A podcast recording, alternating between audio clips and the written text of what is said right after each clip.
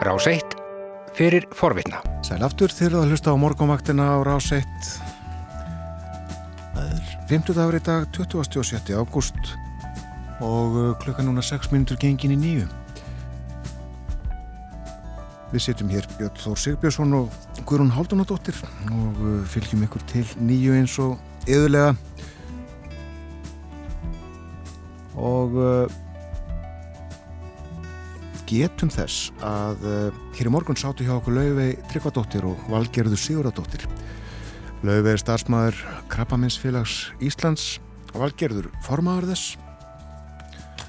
Félagið var 70 í sumar og uh, heldur að því tilöfni ráðstefnu, afmælis ráðstefnu setna í dag.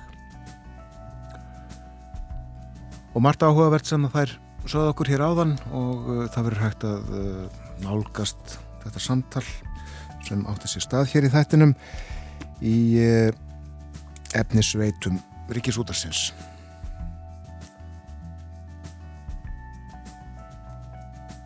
En uh, nú að öru.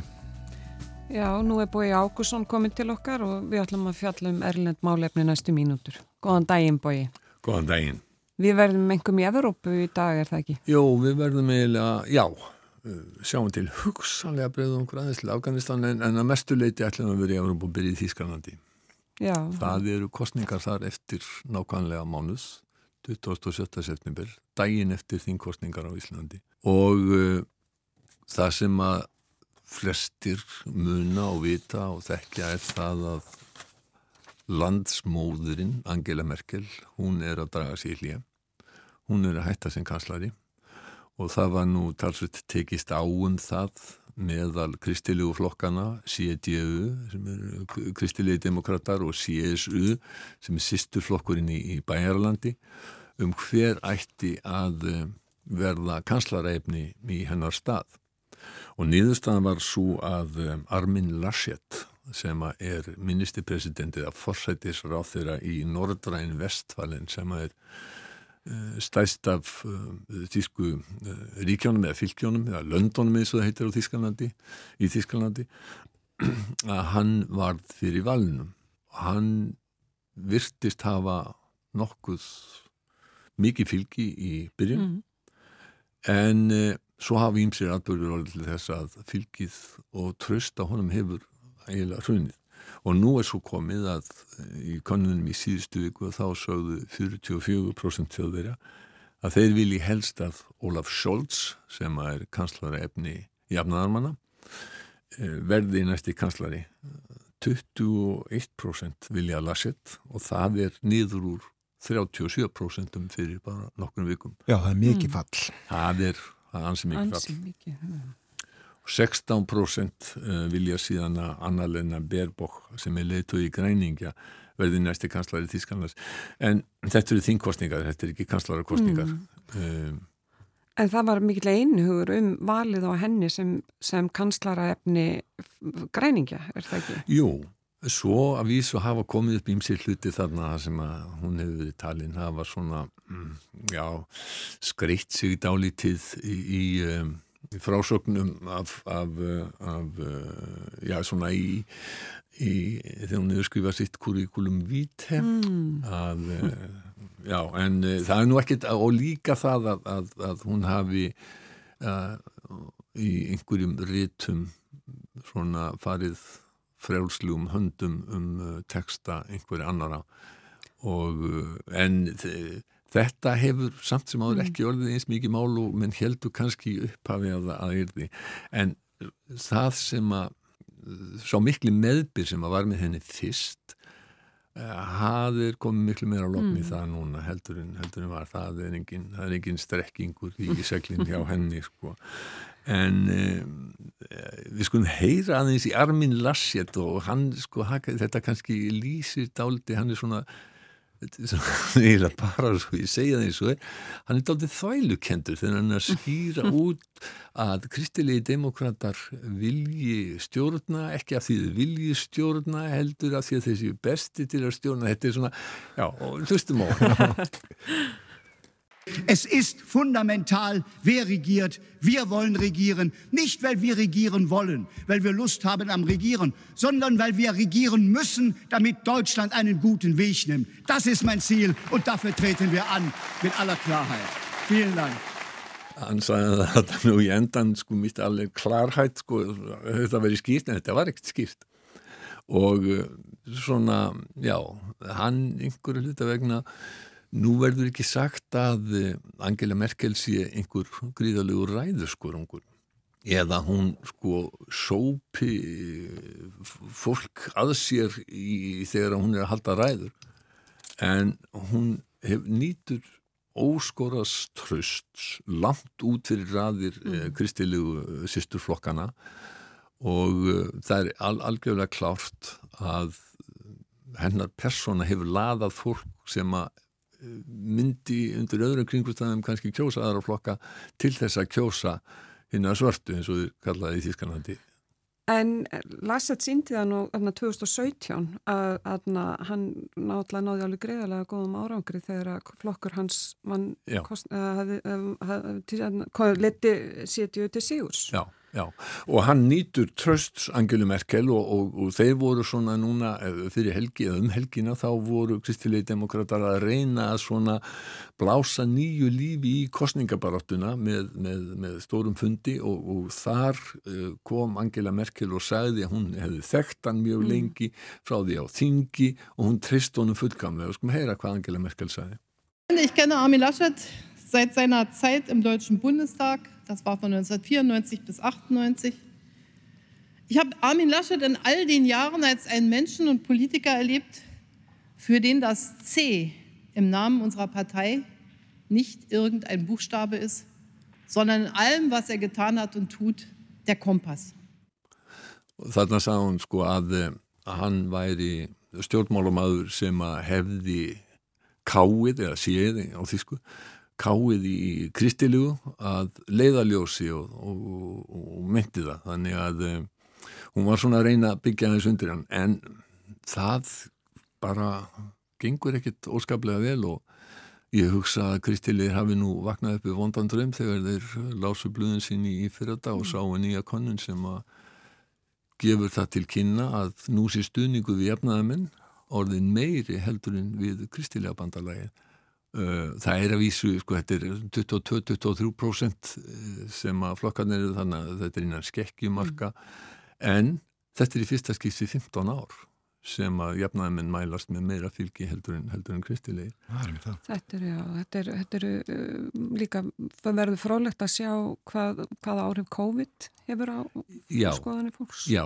það, og svo er líka uh, spurningum, sko, eða kemur flóttamannabilgja mm frá Afganistan. Eh, flóttamannamál hafa ekki verið mikið í umræðinu núna þau gætu orðið mm. það. Eh, og eh, Alternativ fyrir Deutschland sem er nú þjóðurnispopulista mm. flokkur hefur ekki, honum hefur ekki verið spáð neitt gríðarlega miklu fylgi í þessum kostningum, en þess að verða mjög spennandi kostninga sko, Danir sem eru nú með príðilegan réttaskynninga þátt á, á hverju einasta kvöldi líka um helgar sem heitir Deadline upp á þessa fínu tölku um, þeir voru að fjalla um þetta fyrir nokkrum dögum og, og Mikael Reiter sem er um, frettamæður Damarsradio í, í um, Þískalandi hann sagði bara alveg klárt út að Kristileg hefði valið vittlösan frambjóðanda, vittlöst kanslarefni. Og við skulum heyra hvað, hvað Mikael Reiter sagði Det, som er gået rigtig galt i mine øjne, er, at øh, CDU's ledelse ganske enkelt har valgt den øh, forkerte kanslerkandidat, på trods af, at man i parlamentsgruppen hellere havde set en kanslerkandidat, Markus Søder fra søsterpartiet CSU, på trods af, at græsrødderne i partiet hellere ville have haft Søder, på trods af, at Søder var den mest populære blandt de tyske vælgere, jamen så gennemtrumfede CDU's top, altså Armin Laschet, øh, fordi at man ikke turde afgive magten til CSU. Þetta var ekki spila hratt, hann talar hratt þessi maður. Já, hann gerir það fyrir þá sem er kannski aðeins búin að gleyma skóludönskunni þá er þetta að, að hérna, segja, það. Hann sagði að e, þeir hefðu valið rángan e, rán, rángan mann sem kanslarefni. Þeir hefðu átt að velja e, Markus Söder sem er leiðtögi í sísturflokksins í Bærælandi, Kristilega Sósiálsambansins um, því hann nýti meiri stuðnings meðal þingmannaflokkana og meðal almennings en svona leiðtóa flokksengandafélagi skulum við kalla það leiðtóar flokksins, þeir eru lamið það í gegna Armin Laschet, yfir kanslarefni mm. vegna þess að þeir einfallega tristu því ekki að þeir vildu ekki færa sýstuflokknum í bæjaralandi e, mm. það að taka við, við fórustu í, í, hérna, í þessu kristilega banda, bandalagi. Sko, CSU hefur aldrei átt kanslara og þeir hafa tvísvarsinn og hafa leiðtóar flokksins við kanslarefni, það var Frans Jósef Strauss 1980 og Edmund Stoiber 2002 en í bæði, það, það kom aldrei til vegna þess að í bæði skiptinu og þá unnu jefnaði menn kostningarnar þannig að uh, bæjarar hafa kristilegir í bæjarlandi hafa aldrei orðið mm kanslarar og, og verða það ekki núna. Sötu drósi tilbaka er það ekki? Baráttinu um kanslara Jú, jú, þetta, jú, það var, það var e, sko, já, en, eins, og, eins og svo danski sagði að þetta var bara e, flokksfórustanurinn mm, sem, sem, sem að hafði sitt í, í, í gegn. Mm. en sko, Angela Merkel hún, hún bendir á það að, að þetta séu uh, sérstakar kostningar núna þýleitinu til þetta sé í fyrsta skipti frá því 1949 sem að sittjandi Kanzleri werde sie ekki frambóði. Und diese Bundestagswahl, das ist ja eine ganz, ganz besondere. Es ist die erste Bundestagswahl seit 1949, bei der der amtierende Bundeskanzler oder die amtierende Bundeskanzlerin sich nicht um die Wiederwahl bewirbt. Das heißt also, die Karten werden neu gemischt.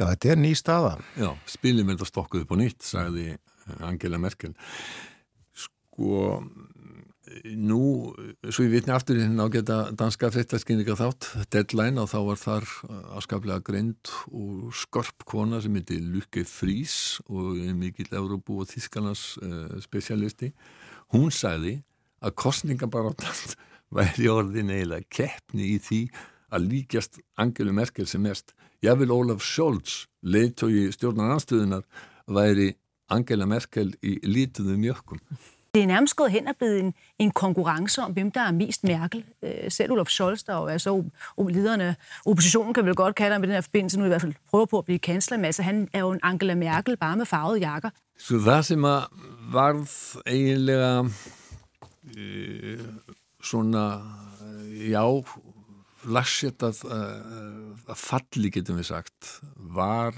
það þegar að hann var viðstattur þegar að Frank-Walter Steinmeier var að flytja ræðu fórseti Þískanars. Þetta er núna í júli þegar að e, flóðin miklu sem að ollu gríðalegu e, eignatjóni og fjöldimanns sem að dó. Hann er að halda ræðu einmitt í, í Nordræn um, Vestfalen þar sem að, að Laschet er fórsetisráðra og þar segir hann að og er að lofa því að mjög þungur sko. uh, hann segir að þeir sem hafa orðið fyrir tjóni munu, og þau sem hafa tapað mestu þau munu fá hjálp Dass denjenigen, die vieles verloren haben, die große Verluste erlitten haben, dass ihnen Hilfe zuteil werden soll. Sko þegar að stænmægi fórsetið þarna harmþrungin og mjög alvarlegur á svipa flytja þessa ræðu. Þá sést Armin Laschet á sem fleiri ráðamönnum í baksinn, svona vel í baksinn hann er vel fyrir aftan hann og gerir sér greinileg ekki grein fyrir því að hann er í myndi í sjónarpinu og hann er skellir lægandi og er að gandast við þá sem eru með honum. Þetta allir mikillir reyði og, og dró verulegu og trúverulegan maður þannig að eh, og fylgið fallið og fylgið er fallið, já, já. þannig að eh, það er þetta verða gríðarlega spennandi kostningar mm. og, og kóla umúlegt að segja uh, hvernig uh, hver nýðurstaðan verður eða hvaða samstipustjórn verður mynduð. Það eru ymsa kenningar uppi um það í Þískalandi og, og það er gaman fyrir Ólafur Þórn Harðarsson í Þískalandi að spekulega þess að dagana. Já, líka kosi í Noregi núna já, næstu vikum. Já, og þar um, þar er alla líkur á því að, að Eh, önnur kona missi ennbæti sitt, já Angela Merkel gerir það náttúrulega sjálfvilíu mm. en, en uh, spár benda til þess að norski hægri flokkurinn uh, hann uh, missi uh, meiri hlutan, eða sitt missi í þarna, völdin, hann tapi fyrir norska verkamannarflokknum sem er jafnæðamannarflokkurinn í Noregi. Já. Og Erna Solberg uh, verði þá ekki lengur fórsættisráðara heldur uh, gæti Jónas Gahr Störi leitói verkamannarflokksins tekið við. Sko við þessar kostningar eru 13. september og, og við erum svona, ég er svona stemt á það að við kannski fjöllum aðeins nánar um það í, í, í næstu viku. Lýst vel á það. Erna hefur verið fórsættisræðra frá 2013 held ég. Já, hún er búin að vera að, aðeins lengur heldur en að næsti maður sem við ætlum að fjalla um. Já, Stefan Löfven heitir hann. Stefan Löfven heitir hann. Hann er búin að vera fórsættisræðra síðan 2014 í Svíþjóðar Já, eftir að þegar að hægri stjórnin fjall þar í, í kostningum Fredrik Reinfeldt var mm. fórsættis á þeirra þar og, og Stefan Löfven hann tekur við, hann er svona það er svona já, hann er hann var ekki talið neitt svona yfirburða maður og hann tekur við eftir að Mona Salín hrökklaðist frá út af svona, já, kærilesis umgengni með, með, með, með kreditkort. Og svo Håkan Jurholt sem að margir íslendingar mm. þekkja sem að var, sem að sendi akkurat. Og hann hann var, hann hrökklaðist líka frá eftir eitt ár og það var sko í rauninni þetta hafði eitthvað að gera með, með einhver með einhver endurgreðslu mm. fyrir íbúði sem að síðan er komið í ljós, hann braut enga regl mm.